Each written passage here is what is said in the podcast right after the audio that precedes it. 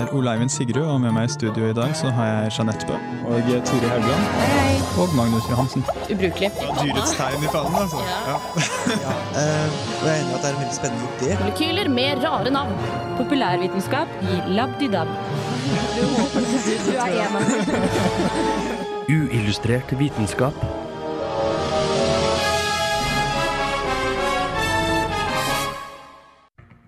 Denne uken heiser Uillustrert vitenskap regnbueflagget og feirer homouken i Trøndelag.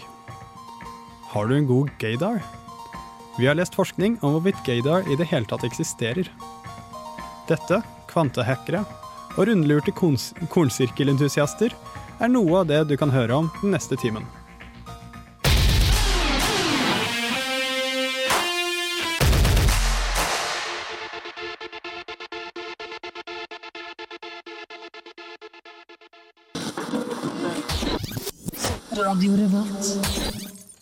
Det var Slaybells med Tellum som fikk eh, åpnet eh, denne ukens sending av Uillustrert vitenskap på Radio Revolt.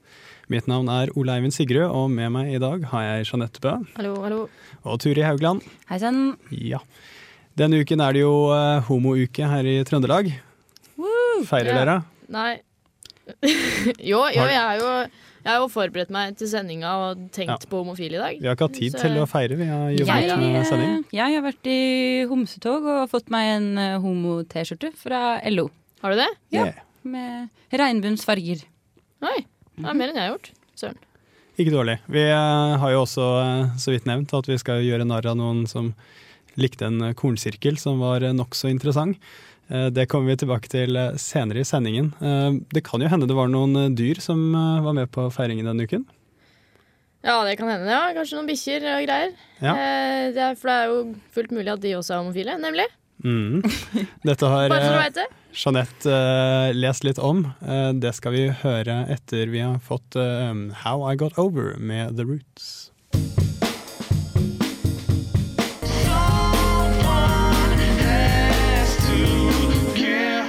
Radio Revolt. I debatter om homofili blir det ofte nevnt av kritikere at homofili rett og slett ikke er naturlig. Selv biologer har lenge bortforklart homoseksualitet blant dyr som et resultat av et unaturlig opphold i fangenskap. Men når man tenker på at homoseksualitet nå er blitt observert i naturen hos svaner, pingviner, gribber, duer, delfiner, aper, mennesker, sjiraffer, løver, sauer, hyener, firfisler osv., hvordan kan man da fremdeles si at det ikke er naturlig? Når man ser på det evolusjonære ved homofili, vil man raskt kunne tenke at det ikke gir mening, siden to personer av samme kjønn vil jo ikke kunne produsere avkom. Men burde ikke da de eventuelle genene for denne egenskapen da være utrydda for lenge siden? En mulig forklaring på det her er noe vi kaller slektsutvalghypotesen. Denne går ut på at homoseksualitet er en indirekte fordel for å øke sjansene for overlevelse hos nære slektninger, noe som nettopp vil føre deres egne gener videre. Et studie gjort på homofile i Samoa de siste årene støtter denne hypotesen. Siden de homofile her kompenserer for sin barnløshet ved å støtte godt oppom sine nieser og nevøer. Samoa ble valgt siden homofile her blir godt akseptert og høyt ansett. Siden familier i Samoa er mye mer sammensveiset og større enn i vestlige samfunn, der folk i høyere grad er mer individualistiske og homofobe, har noen problemer med å se at denne hypotesen kan gjelde utenfor Samoa. Forskerne sier at det er ikke den barnløse onkelen og tanten som har tilpasset seg dårlig til verden, men heller Vesten som har utvikla seg til et ugjestmildt sted.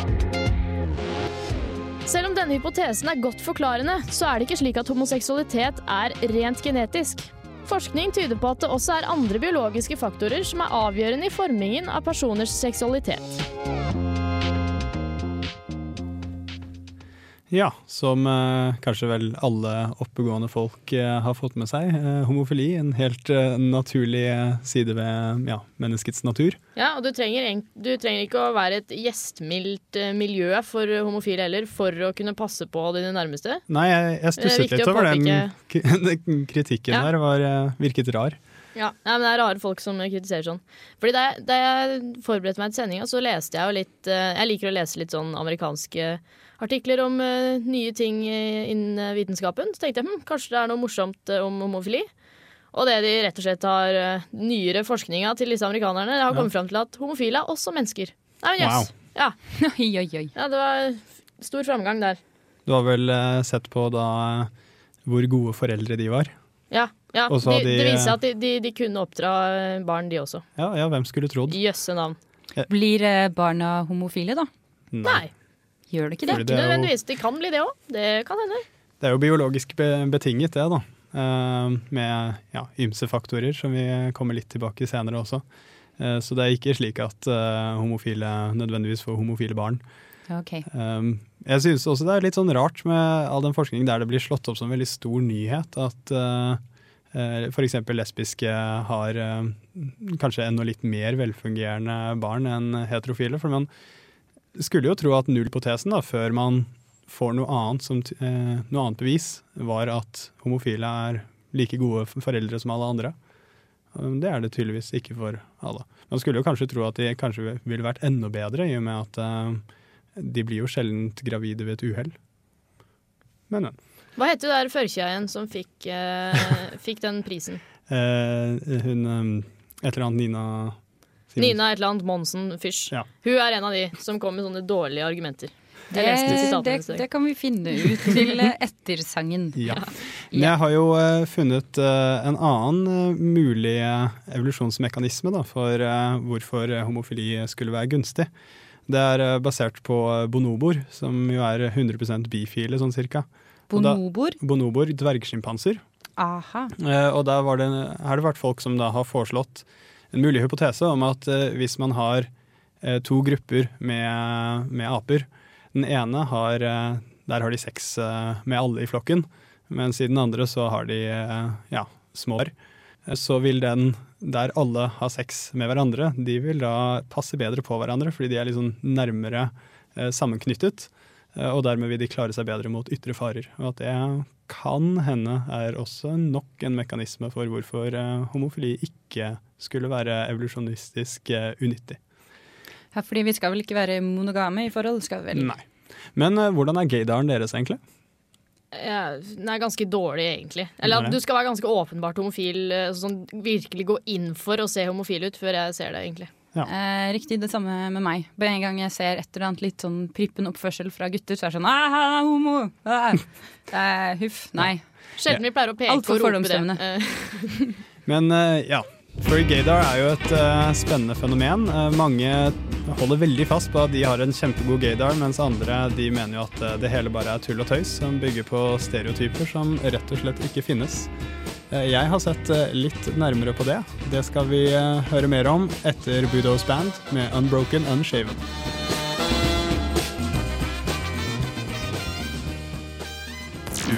Vitenskap. Radio Revolt.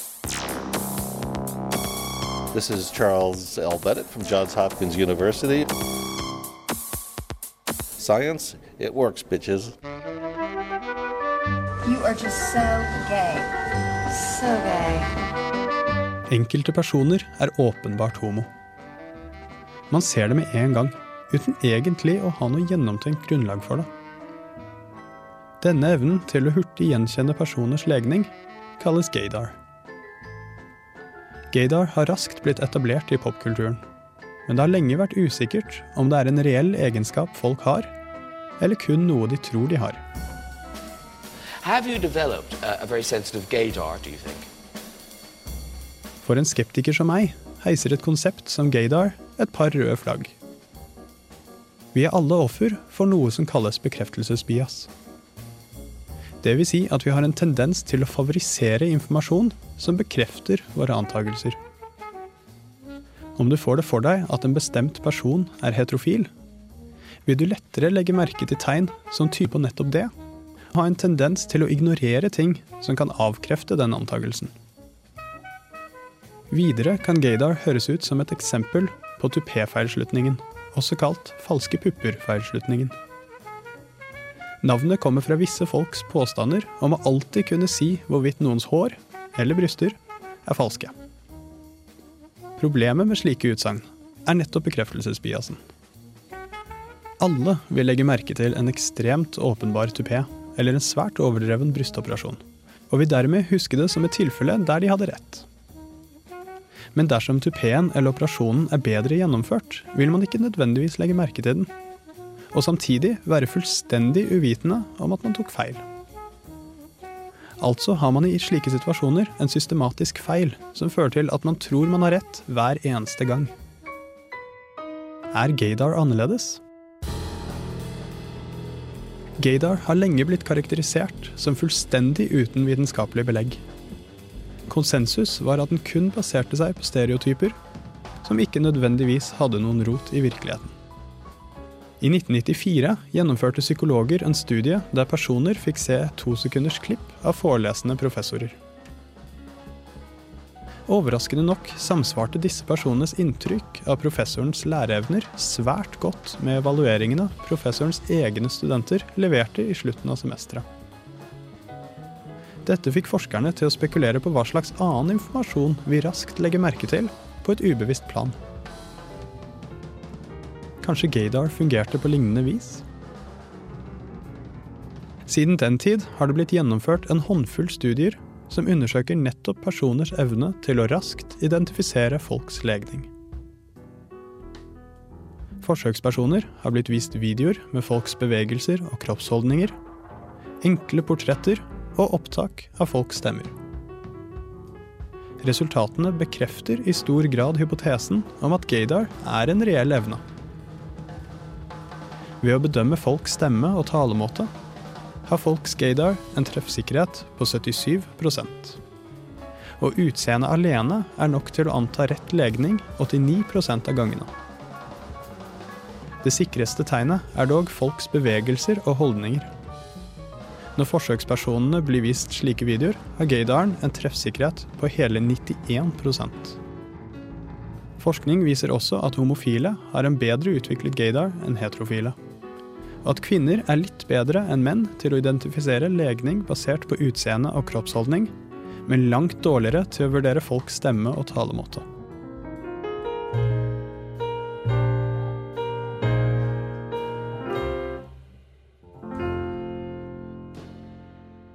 Forskningen på gaydar sier ingenting om hvorvidt trekkene man legger merke til, har biologisk eller kulturelt opphav. Og selv om det finnes en rekke biologiske forskjeller på gruppenivå mellom homoseksuelle og heteroseksuelle, er det god grunn til å anta at gaydaren er i stor grad kulturell.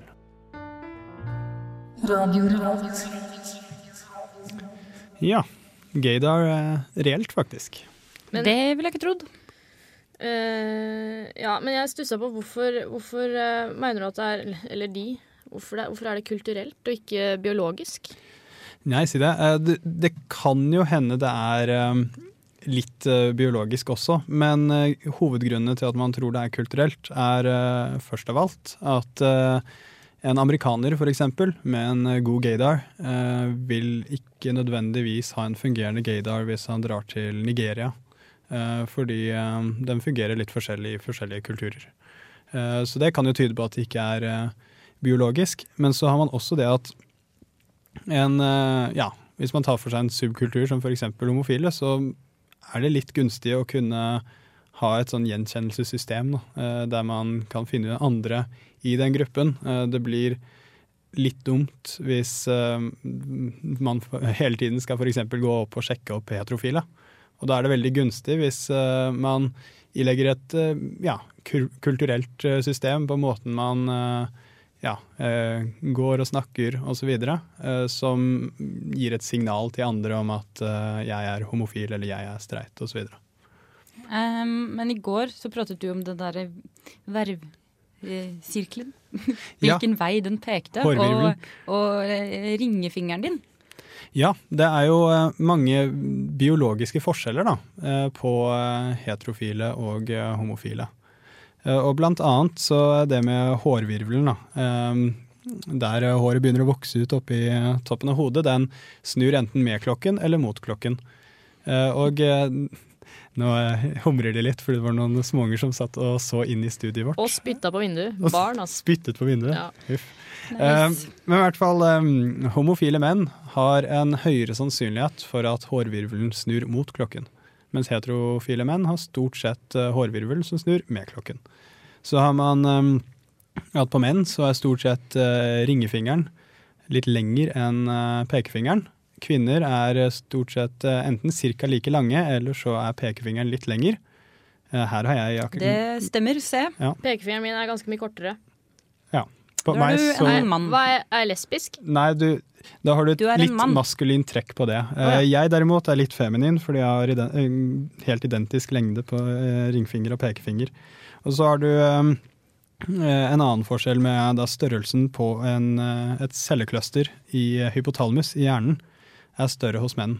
Og da ser man at um, hos homofile menn på disse trekkene er litt uh, likere kvinner, eh, og eh, homofile kvinner har på disse trekkene litt likere egenskaper til menn.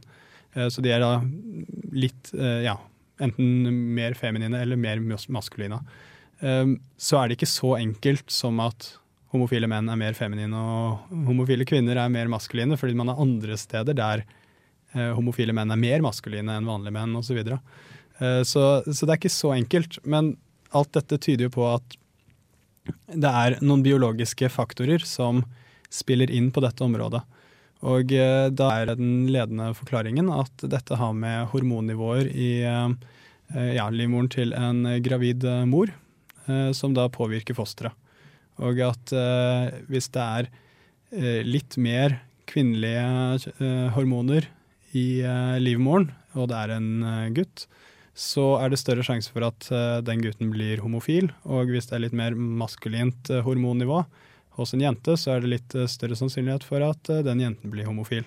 Snakker vi da om østrogen og testosteron? Eller? det er nok det. Jeg er ikke så godt kjent med disse hormonene, dessverre. Men det, det høres ikke sånn forferdelig dumt ut. Så kan det jo også nevnes at alle disse trekkene er jo statistiske forskjeller. Eh, Du kan finne en person som meg, eksempel, eh, som eh, så vidt jeg vet er streit, men som har lik lengde på pekefinger og ringfinger. Og så kan du antagelig finne homofile menn med hårvirvler som går med klokken. Så dette her sier ingenting om individet. Du kan finne et individ som har feminine trekk på alt, men som er en heterofil mann, f.eks. Mens hvis man ser på gruppenivå, på hele den homofile populasjonen mot hele den heterofile populasjonen, så dukker disse forskjellene opp, som tyder på at her er det biologi inne i bildet. Så statistisk eh, bakgrunn, rett og slett. Ja.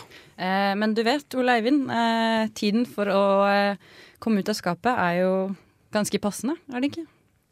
Jaha. Ja, er det det? Var tull. Ringefingeren din. Å ja, ja, det, ja. ja. Men, Kanskje etter hvert. Yes. Eh, nok om det. Eh, jeg har litt lyst til å høre litt Rodiga med Straight Spitten.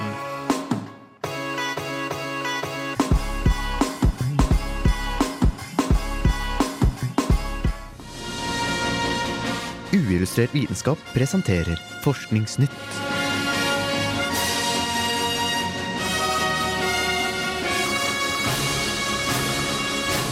Forskningsnytt. Amerikanske forskere kartlegger kakaotreets genom. Glem at maisens genom er kartlagt, for hvem drømmer vel ikke om enda bedre sjokolade? Det blir snart mulig etter det utenkelige samarbeidet mellom Mars Incorporated, USAs Department of Agriculture og IBM. Første sekvensen av genomet ble allerede publisert denne uken. Genomet skal gi bedre kakaoavlinger, og ikke bare hjelpe sjokoladeindustrien, men millioner av småbønder som kan fortsette å få sitt levebrød ved avling av planten. Snegler kan hjemveien, oppdaget amatørforsker. Det som startet som et snegleproblem, endte overraskende nok i en pris. Den britiske 69 år gamle Ruth Brooks vant prisen som Storbritannias beste amatørforsker etter hun oppdaget sneglenes evne til å finne veien hjem. Den 69 år gamle bestemoren ønsket å finne en human måte å fjerne skadedyrene fra salatavlingen, og startet å bære vekk sneglene fra hagen. Da hun hadde mistanke om at de kom tilbake, startet hun å merke sneglene.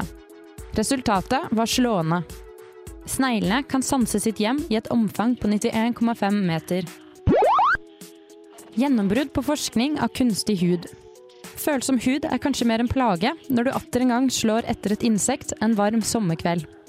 Men akkurat denne sensitiviteten har forskere lenge forsøkt å etterligne i kunstig hud. Denne uka klarte forskerteam ved Stanford University og Berkeley University akkurat dette. Gjennombruddet ligger i at de har klart å replikere trykksensitiviteten vi har i huden vår. Sensorene i den kunstig produserte huden klarer bl.a. å oppfange et menneskes pust og vekten til en tommefugl. biomedical applications, prosthetic applications.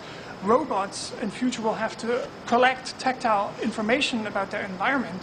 This could be a major step towards uh, artificial skin, in which uh, burn patients, for example, could uh, get a replacement skin.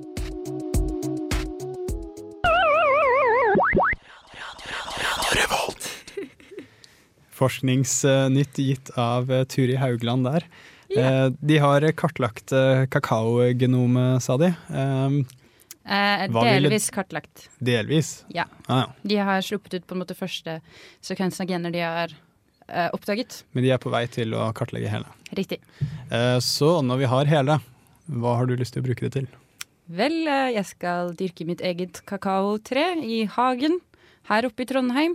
Og den skal da tåle all slags vinter. Norsk vinter Og- og trøndersk vær? Ja, rett Kan og man- slett. Kan man få sjokoladen til å tåle vind og vær også, så man kan bygge et eget hus av sjokolade? Eh, det Heller det- tvilsomt. Nei, ikke se bort ifra det, Jeanette. Lever i håpet. ja. Uh, jeg tenkte I Mexico så er det jo en uh, rett som heter Eller det er egentlig en saus som heter mole.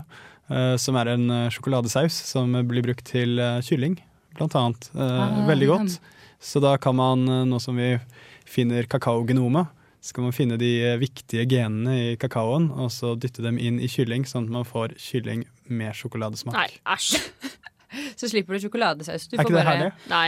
Jeg syns også Litt- det er herlig, herlig. ja. Alt uh, kunne vært dyppet i sjokolade for min del. Mm. Med jordbær med sjokoladesmak. Aldri noe mer kliss med å drive og dyppe dem. Åh, sant. Ah, fantastisk. Lurer på om jeg skal dyppe dere i sjokolade. Blam. Så var det denne um, eldre damen da, som hadde funnet ut at snegler har retningssans, av alle ting. Hvordan Ja. eh, fant hun ut av det? Det er veldig morsomt. Hun er jo da, eller eh, regnes som en amatørforsker.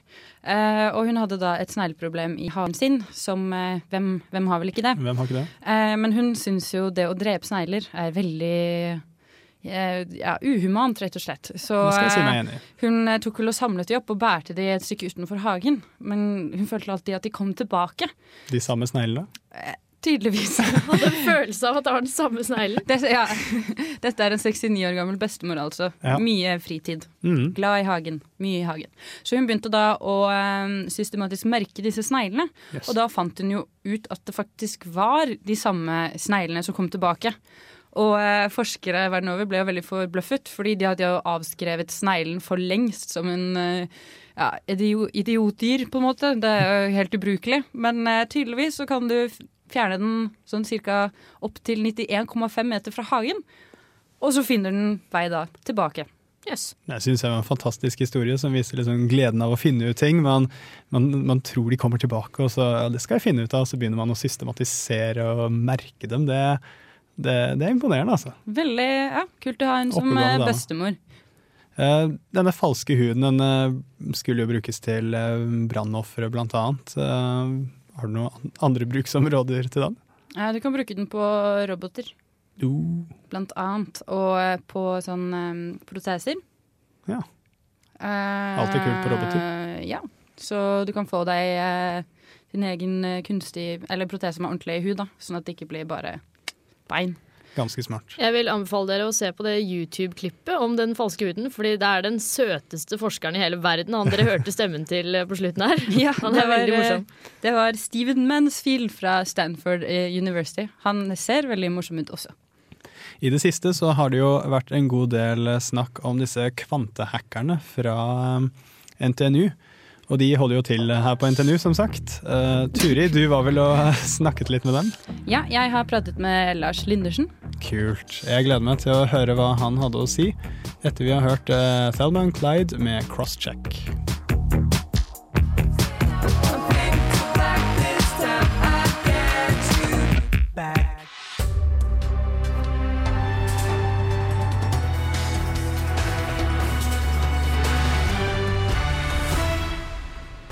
Forskere i Trondheim er først i verden med å knekke kodene til det amerikanske forsvarets sikkerhet. Ja, og hvorfor norske studenter har vært og snoket på utstyr brukt av fremmede makters militære styrker. Fulgte du med i mediene forrige uke, hørte du kanskje noe som dette. Et forskerteam på NTNU knakk gullstandarden innenfor datasikkerhet. Den teoretisk ubrytelige kvantekrypteringen. Lars Lydersen, doktorstipendiat ved elektronikk og telekommunikasjon på NTNU, var en del av hackerteamet. Uka etter medieoppslagene besøkte vi han på kontoret sitt på Gløshaugen. Der utdypet han mer om kvantekryptografsystemet de hadde hacket. Kvantekryptografisk system uh, brukes til å utveksle en hemmelig kode som senere kan brukes til helt sikker kryptering. Årsaken til at uh, det skal være så sikkert, er fordi at det er basert på kvantemekanikk, en fysisk teori, som gjør at man, dersom noen forsøker å avlytte systemene her, så vil de forandre på partiklene som blir sendt, og dermed bli avslørt. Systemet består av en sender og en mottaker. Mellom disse sendes kodede lyspartikler, altså selve kvantesignalet. Å måle signalene er det samme som å lese koden, men målingene endrer selve signalet, noe mottakeren altså oppfatter. Kvantekryptografsystemet er det sikreste kodesystemet vi kjenner til i dag. Men hva som er sikkert i dag, er ikke nødvendigvis sikkert i morgen. Derfor blir systemene stadig feiltestet for å finne svakheter.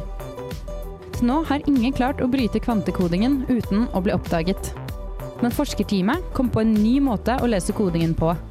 Og en ting som noen aldri har prøvd for, det, det, som sendes i praksis, er enkeltfotoner, enkeltlyspartikler. Og da benytter man eh, måleapparater for å måle eksistensen av sånne enkeltpartikler. Og det ingen hadde sjekka før, var hvordan sånne måleapparater responderte til kraftig laserlys.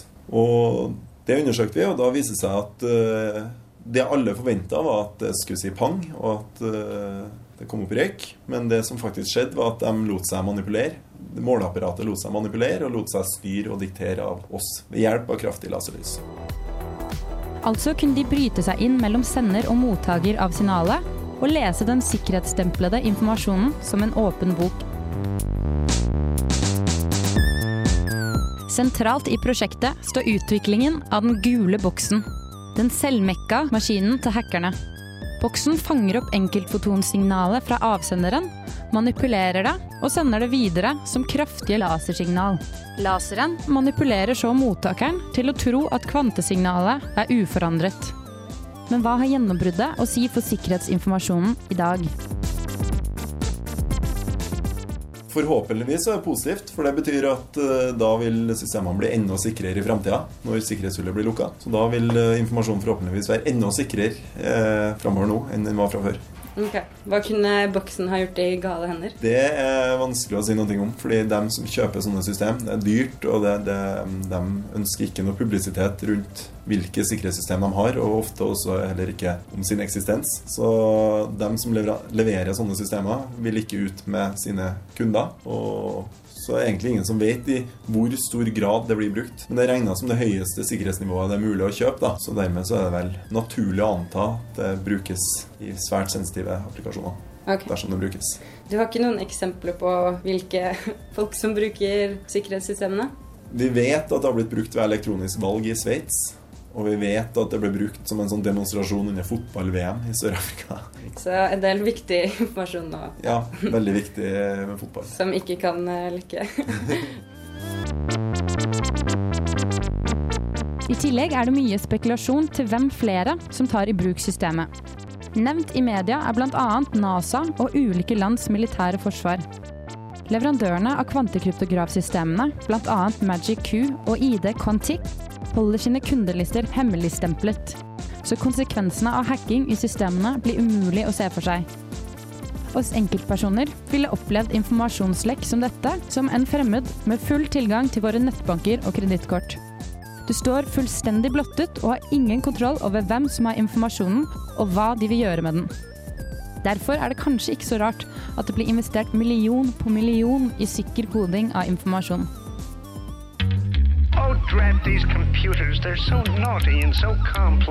Nå ville kanskje du og jeg flyttet med vår nyoppdagede gule boks og stjålet informasjon som vi senere kunne solgt. Deretter cruiset gjennom livet uten å løfte en finger. Hackergruppen derimot var mer ansvarlig og informerte selskapene bak kryptografsystemene i god tid før de publiserte artikkelen sin i Nature Photonics i slutten av august.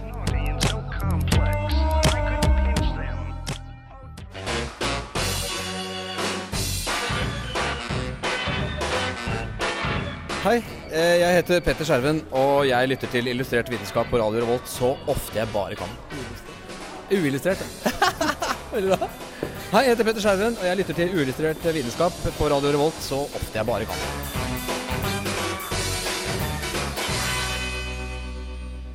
Vi skal gå fra noen eh, skarpe hoder oppå Gløshaugen til noen eh, litt mindre Helt andre. Ja, til noen litt mindre skarpe hoder eh, ved Kanal 5. Fordi vi, Jeanette, har sittet og humret i hele gårsdagen og gode deler av den i dag òg.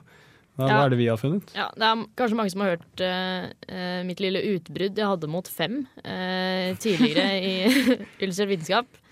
Uh, jeg har ikke noe, noe mindre imot de nå. Det er, men nå, nå, nå er det så utrolig morsomt. De har Ja. Nå, nå er det kornsirkler på gang, og det er priceless.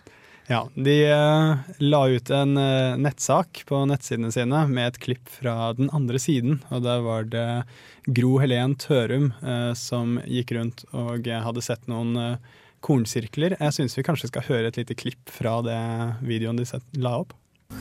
Disse energiene er fortsatt sånn lek for meg.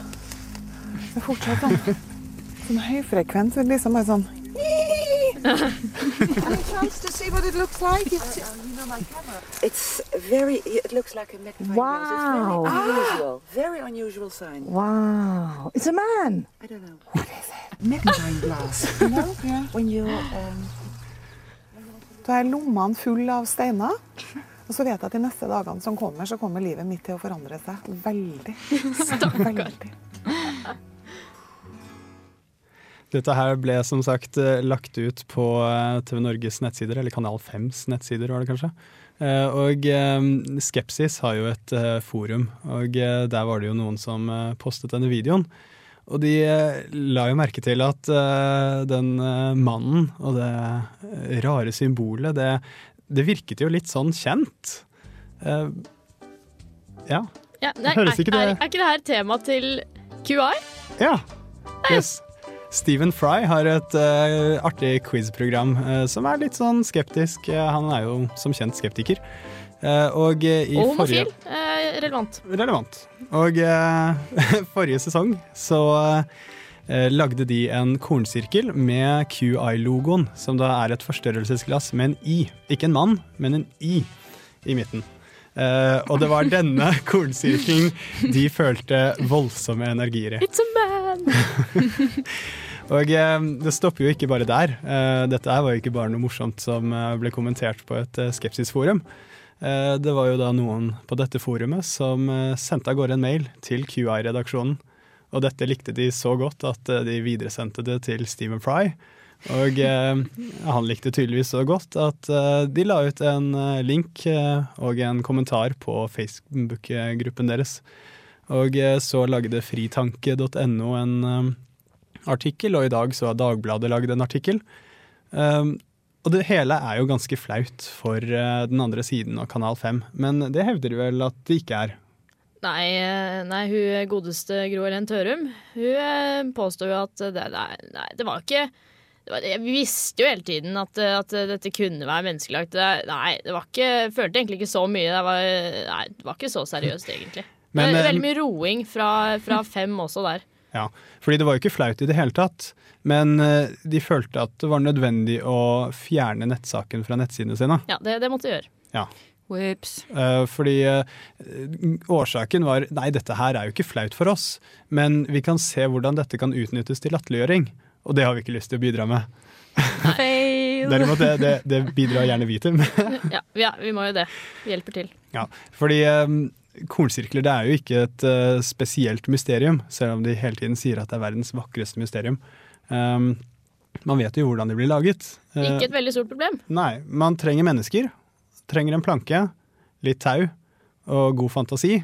Så, eh, så går det veldig greit. Um, ja. Ja, Ja, Det er jo folk som hele tiden prøver å ta på seg skylda for å ha lagd uh, kornsirkler. Sånn, Mm. Slutt å tro det var romvesener. Det var jeg. Kan jeg få æren for det her? Nei, nei, nei, nei, dette er romvesener. Jeg humret også ganske godt, fordi de nevnte at eh, antagelig kanskje en av grunnene til at de følte så sterke vibrasjoner i, eh, i QI-kornsirkelen, var fordi den var på samme punkt som en bekreftet ikke-menneskelaget kornsirkel tidligere år. Hvordan kan man bekrefte at noe ikke er laget av mennesker? Her er det noen som Det mangler litt eh, grunnleggende vitenskapsteori. Det var ikke-menneskene som sa det. Oh. Ja. Ja. De har ikke jeg hørt om. And on that bombshell så skal vi høre 'Boyfriend' av Best Coast.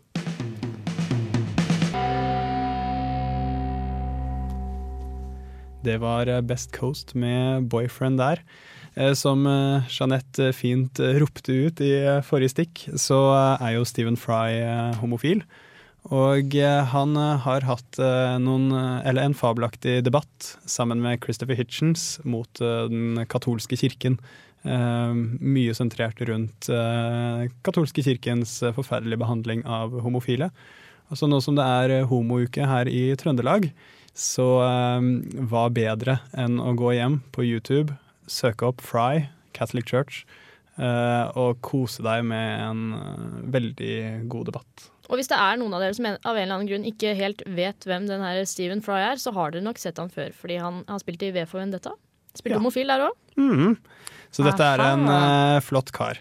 Uh, jeg vil gjerne takke for uh, dagens sending. Eh, jeg er uh, Leiven Sigrud. Med meg har jeg hatt Jeanette Ja, det har du. og Turi. Tjo hei! Farvel. Yes. Ha Ha det det. godt.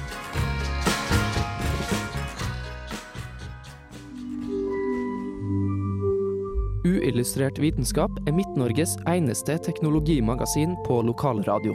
Og vi snakker om alt fra populærvitenskap til sære forskningsprosjekt ved NTNU. Radio Revolt, studentradioen i Trondheim, er stolt av å kunne presentere podkaster fra de aller mest populære programmene våre.